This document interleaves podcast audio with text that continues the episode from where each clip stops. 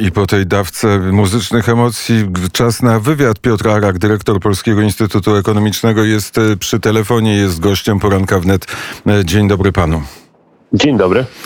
E, tak się zastanawiałem, co by się stało, gdyby rzeczywiście zatrzymano fundusze europejskie. W jaki sposób Polska i Polski Nowy Ład mógłby być wprowadzony w życie? A czemu ktoś miałby zatrzymać środki europejskie? Z powodów a, politycznych.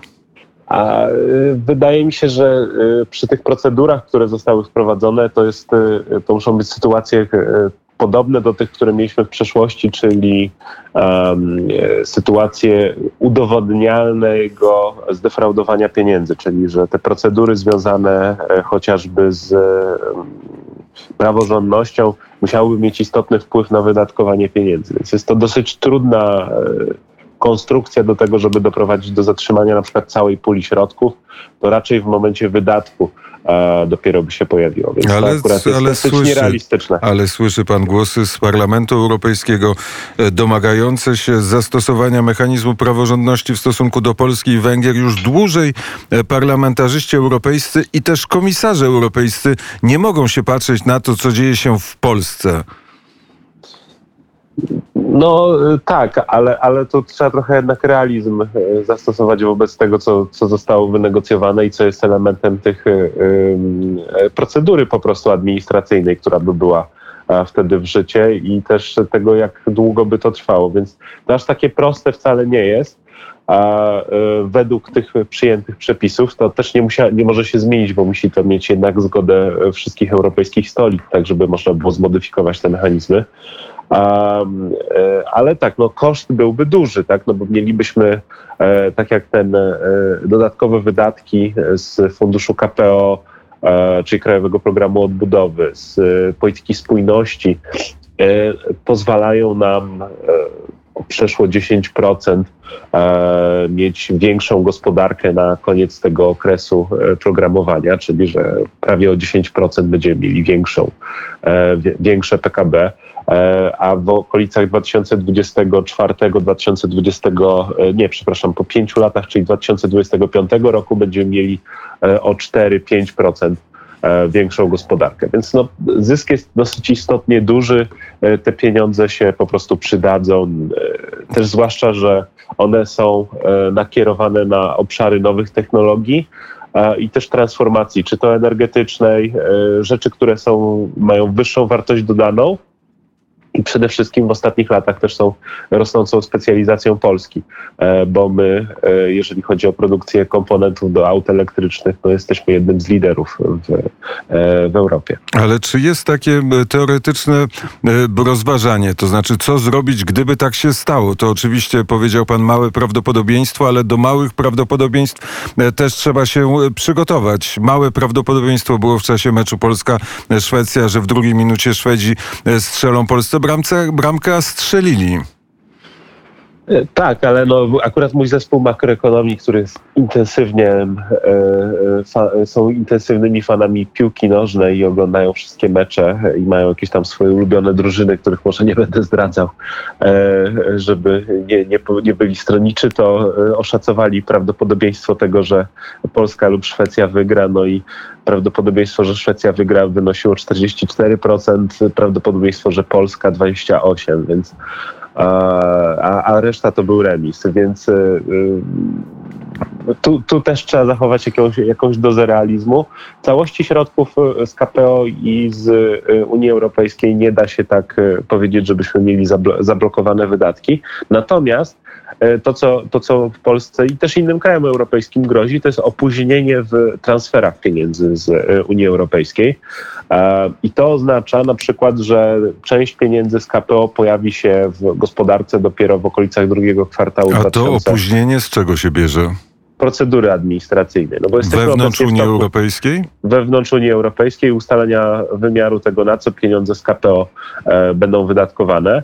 E, my wysłaliśmy już dokumenty do Brukseli i teraz e, czekamy na e, odpowiedź i zabranie stanowiska. Natomiast to, to oznacza, że na przykład część projektów, które tam były opisane, a rozpoczyna swoje, swój bieg.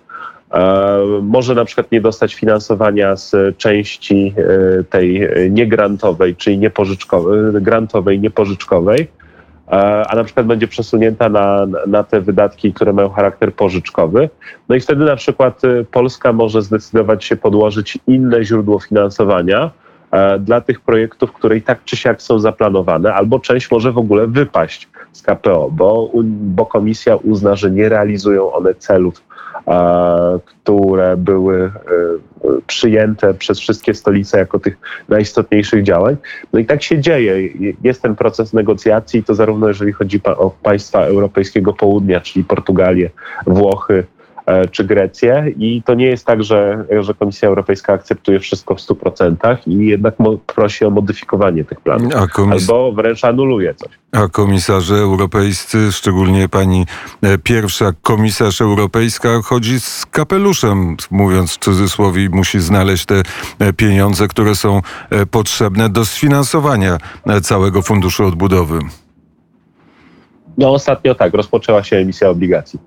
E, e, gwarantowanych przez wszystkie państwa wspólnoty, e, więc rzeczywiście rozpoczął się ten hipotetyczny okres chodzenia z kapeluszem, ale no, oczywiście znalazło się bardzo wielu inwestorów zainteresowanych tymi papierami, które mają tak silne gwarancje. Inwestorzy skąd? Inwestorzy wielkie fundusze amerykańskie w stylu, w stylu BlackRock, czy, czy też kapitały chińskie, czy wybierane wybieramy te kapitały, czy zastanawiamy się, Komisja Europejska zastanawia się nad polityczną e, treścią aspektu pożyczania pieniędzy? Na pewno tak, bo każdy się nad nią zastanawia. Natomiast w przypadku obligacji to po pierwsze są to fundusze, które już mamy. My mamy nadpłynność ogólnie w Unii Europejskiej, jeżeli chodzi o fundusze inwestycyjne w tym momencie, więc e, to jest po prostu do, dołożenie do portfela bardzo bezpiecznych papierów wartości wartościowych. A ile tego odsetka, myślę, że raczej zasób inwestycji chińskich czy, czy, czy e, amerykańskich będzie mniejszy w stosunku do tego, ile e, finalnie będą tych obligacji posiadać, posiadać europejscy inwestorzy, ale też europejskie banki centralne. Więc to, to raczej to w tym kierunku bym szedł. To e, pytanie, że teraz e, budujemy za pieniądze pożyczone. Czy to nie spędza e, snu z powiek tym wszystkim, którzy zajmują się gospodarką i analizują prawdopodobieństwa, które mogą wydarzyć się w przyszłości? No, zawsze okresy dużych kryzysów są momentami, w którym wszystkie osoby zajmujące się polityką gospodarczą albo analizujące gospodarkę E, raczej e, mają trudny, e, trudny moment, żeby się dobrze wyspać. Więc, bo jest, są same problemy, jest, często zmieniają się jakieś paradygmaty, no i ten okres kryzysu po 2008 roku był powiedziany, czyli kryzysu finansowego tego poprzedniego, był powiedziany jako zmiana paradygmatu, bo państwo wtedy bardzo dużo zainwestowało, wykupiło w Stanach Zjednoczonych e, e, banki e, w innych krajach europejskich też istotnie wprowadziło pakiety stymulacyjne. Polska akurat była jednym z tych krajów, który prowadził od samego początku politykę raczej zaciskania pasa niż, niż ekspansywną politykę fiskalną, bo wtedy właśnie jeszcze wierzono, że bardzo szybko po kryzysie trzeba zaciskać pasa, czego konsekwencją był kryzys zadłużenia w Grecji, kolejny kryzys w strefie euro, i e, de facto e, prawie dekada, ponad dekada stagnacji gospodarczej e, w strefie euro, bo strefa euro się bardzo wolno rozwijała. Stany Zjednoczone zdążyły wykreować jakieś odbicie gospodarcze, po, zwłaszcza za prezydentury Donalda Trumpa. Ale to... No i, i teraz tak, i dlaczego teraz, teraz jest trochę inaczej, bo ucząc się po kryzysie 2008 roku, Wiemy wszyscy, że bardzo szybkie zaciskanie pasa, właśnie po to, żeby spłacić zadłużenie e, wynikające z e, e, publiczne, wynikające z dużego kryzysu gospodarczego, warto odłożyć w czasie nie robić tego szybko i zapewnić sobie finansowanie na ten impuls wydatkowy inwestycji publicznych tuż po, tuż po kryzysie. Czyli i wracając trochę do przeszłości, czyli tego, co robiono w latach 30., a nie myśląc o tym, co robiono w latach 80. i 90. jako, e, jako sposoby tylko, na radzenie sobie z kryzysami. Tylko lata 30. nie mogą być wzorem, bo skończyły się drugą wojną światową, jeśli dobrze e, pamiętam. No, to, to też prawda. Natomiast no, z perspektywy czysto gos polityki gospodarczej, e, to, e, to akurat pod tym względem e, większość państw dzisiaj myśli tymi kategoriami z, z tamtych lat, czyli większej interwencji publicznej, trochę większych wydatków na jakiś, przez jakiś czas. I to jest jednak jakaś zmiana paradygmatu. Stąd wiele, wielu ekonomistów, którzy są bardziej po, e, w, różnych szkołach ekonomicznych, czyli albo bardzo libertariańskiej, czy liberalnej, no, ma problem ze zrozumieniem tego, co się dzieje na świecie.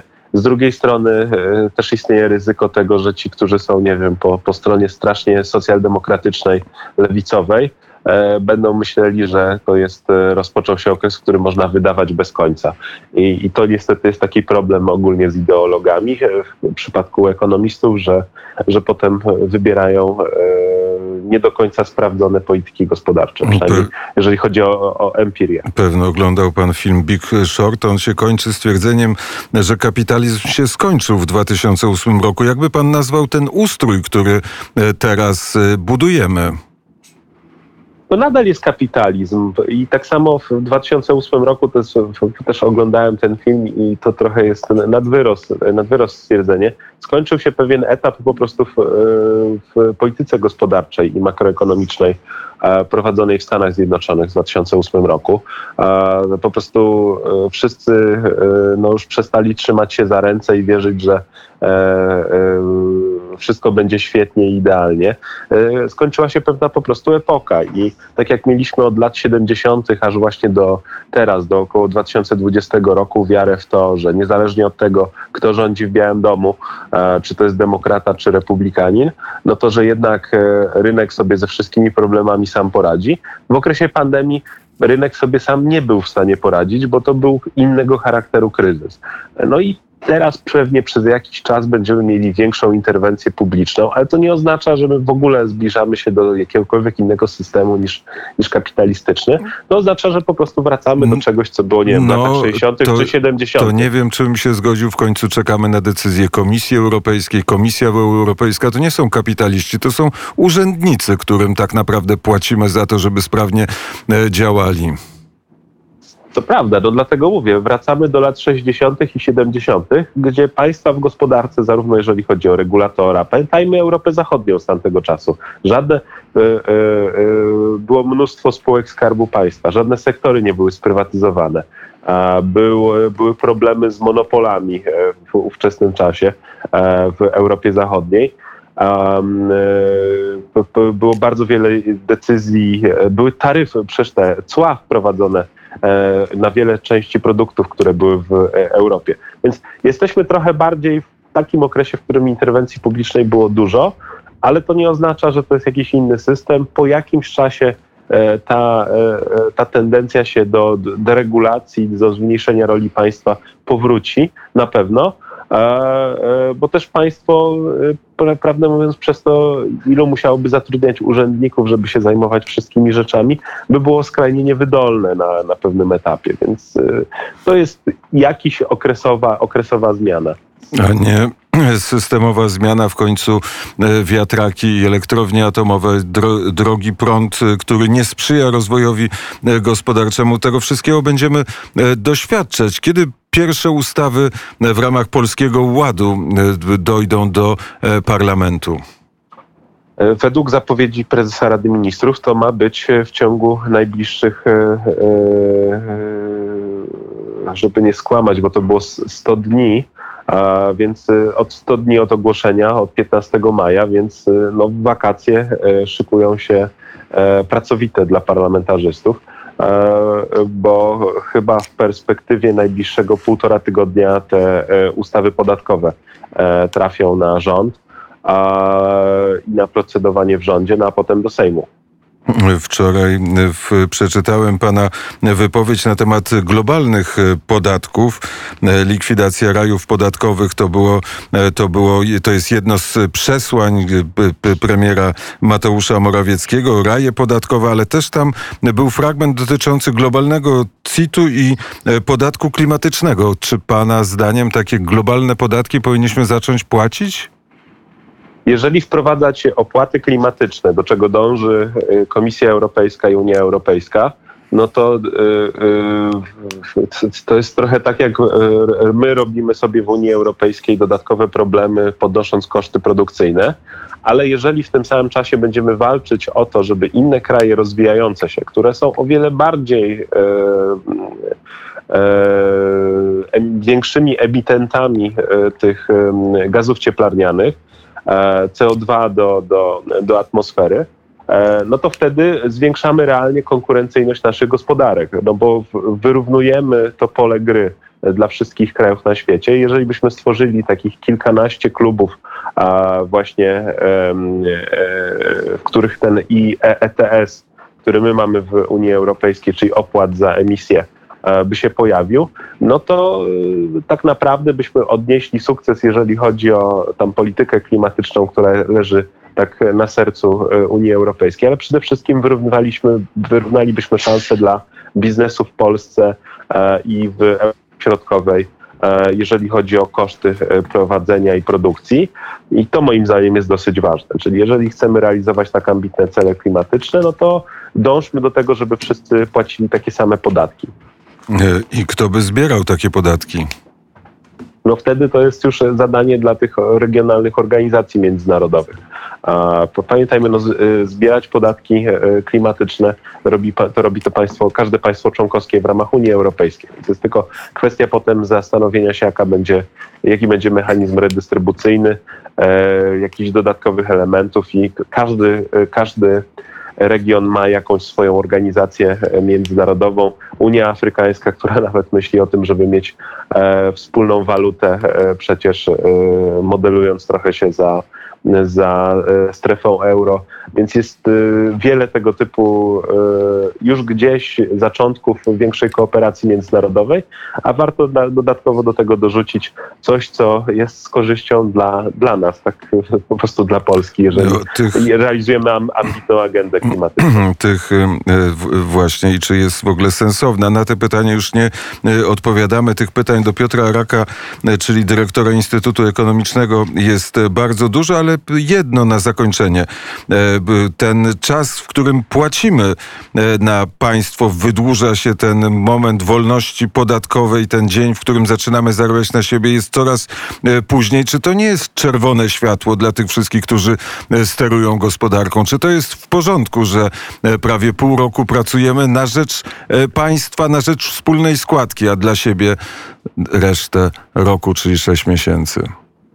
Ja mam bardzo duży problem z tymi rankingami wolności, gospodar- e, wolności e, podatkowej, bo one są robione, e, tak tylko powiem o tym z zeszłego roku, bo to jest tak, że ile państwo wydało w zeszłym roku w relacji do wielkości gospodarki też w zeszłym roku. I mieliśmy rok pandemii, w którym państwo wydało bardzo dużo. My dodatkowo się zadłużyliśmy w tym okresie. E, I przeliczając to na 365 dni w roku tą proporcję. No i wiadomo będzie, że jak wydało prawie tyle, ile wynosi połowa naszej, naszej gospodarki, no to ten dzień wolności gospodarczej, wolności podatkowej się przesunie dalej w czasie. Natomiast my coś uzyskaliśmy za te pieniądze e, w zeszłym roku e, i za te pieniądze uzyskaliśmy najniższą stopę bezrobocia w Unii Europejskiej, najniższą stopę bankructw przedsiębiorstw, mało tego wzrost liczby zarejestrowanych działalności gospodarczych w ciągu roku pandemii i wzrost wskaźnika zatrudnienia jako jeden z licznych krajów w Unii Europejskiej.